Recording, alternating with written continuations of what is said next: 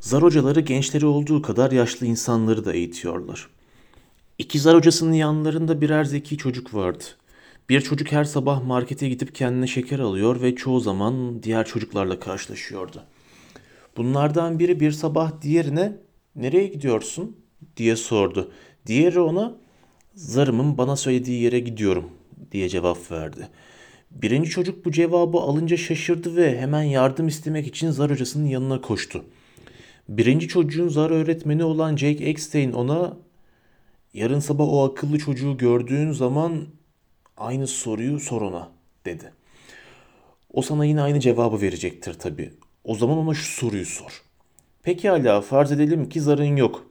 O zaman nereye gideceksin zeki çocuk?